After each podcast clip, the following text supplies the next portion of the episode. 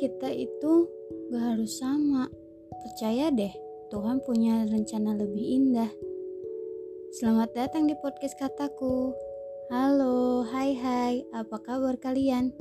Kuharap kabar kalian lebih baik dari hari yang kemarin ya.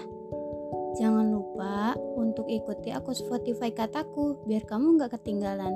Dan ikuti juga akun Instagramnya at katakoe.id underscore. Kamu bisa dengerin podcast kataku ini di Spotify dan platform lainnya secara gratis. Kamu juga bisa download podcastnya loh, biar kamu bisa dengerin podcastnya kapan pun dan di mana pun tanpa internet.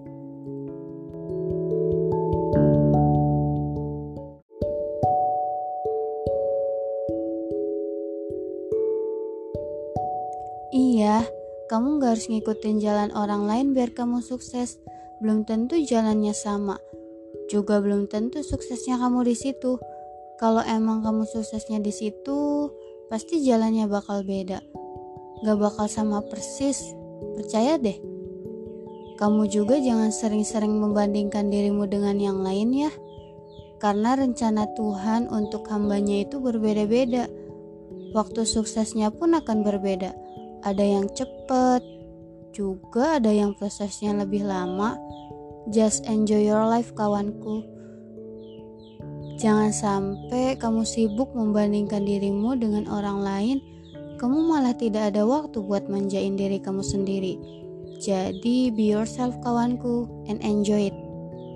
Jalan atau rute hidup kita ini tidak akan ada yang sama persis ada yang setelah lulus SMA kuliah, ada yang kerja, ada yang langsung nikah, juga ada yang bantu orang tuanya.